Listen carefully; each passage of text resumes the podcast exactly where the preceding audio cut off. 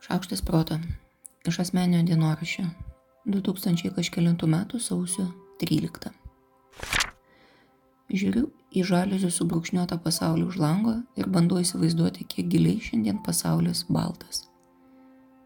Toliau stovintis medžių pulkas neišsiduoda, gal ir aš nepamenu, kiek aukštai nuo žemės turėtų baigtis jų kamienai ir prasidėti šakos. Jeigu penklinėje būtų tiek įlūčių, kiek dabar matau brūkšnių, gautųsi labai įdomios natos. Bet ant apatinių linijų tikrai pamatau natas. Apolės žvitrės kurapkas. Kai kurios rausėsi ir ieško antrųjų pusryčių, kai kurios tik pupso apvalios ir būna gražios, žvilgčiodamas į mane savo pilkšvai rusvai įrėmintomis akimis. Viduje taip šilta, lyg laikyčiau jas visas savo užantyje. Viduje nerimauja ir vidinis povas. Joms turbūt šalta, Jos turbūt alkanos, jas turbūt reikia paleisinti, tada jos pradės čia lankytis dažniau. Vidinis čiapulis mane drausmina, nes dabar pat matau, kad jos kapoja mano vasarą sėtas garstyčias ir veikius ir neatrodo labai neapvalios.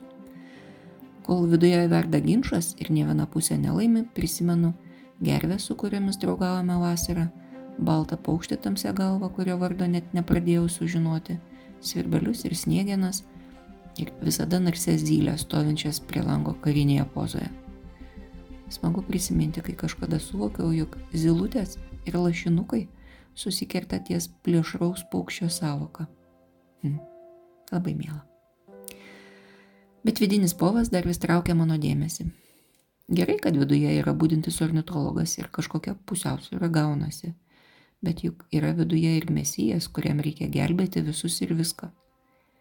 Viena mėgstamiausių mano povo kaukių. Juk galiu, juk žinau, juk bus geriau, juk prasme, juk pašaukimas. Visada galima už kažką padaryti viską. Paremti, užvaduoti, padėti tik tą kartą, o šiaip jau dažniausiai ar net visada ir atimti galimybę išmokti išsikasti garstyčių sėklą, ir atimti galimybę pasitikėti savimi, ir atimti galimybę aukti ir stiprėti. Ir galiu pažadėti būti visą laiką šalia, kai tik reikės. Skamba labai romantiškai, kaip mano povui labai patiktų pasakyti iškilmingu ar net kiek drebančiu balsu. Bet žinau, kad negaliu. Mokyti nereiškia padaryti viską už kažką. Mokyti nereiškia pasijusti didesniu, stipresniu, reikalingu ir rūpestingu.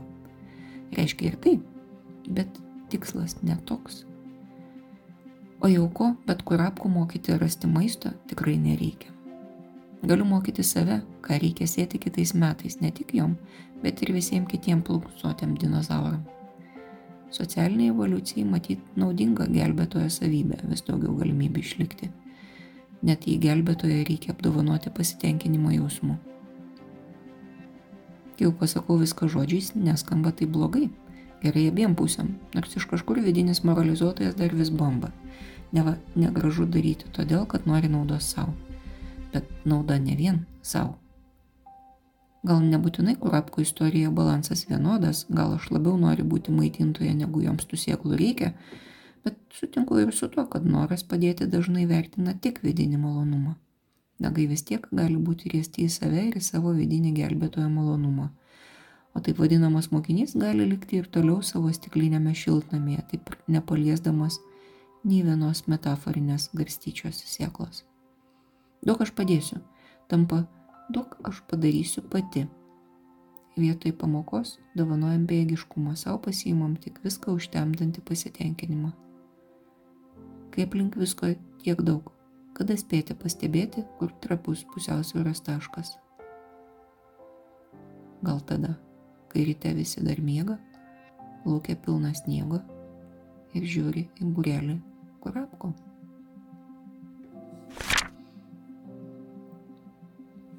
Aš Monika Kuzminskaitė, sveikatos ir mytybos psichologė, padedu spręsti kasdienius ir sudėtingus elgesio, mąstymo ir emocijų klausimus. Rašau, skaitau paskaitas, teikiu psichologinės konsultacijas. Mane rasit socialiniuose tinkluose vardu Šaukštas Proto. Rašykit man asmenį žinutę socialiniuose tinkluose arba elektroniniu paštu adresu šaukštas.proto atgmail.com. Taikos ir ramybės.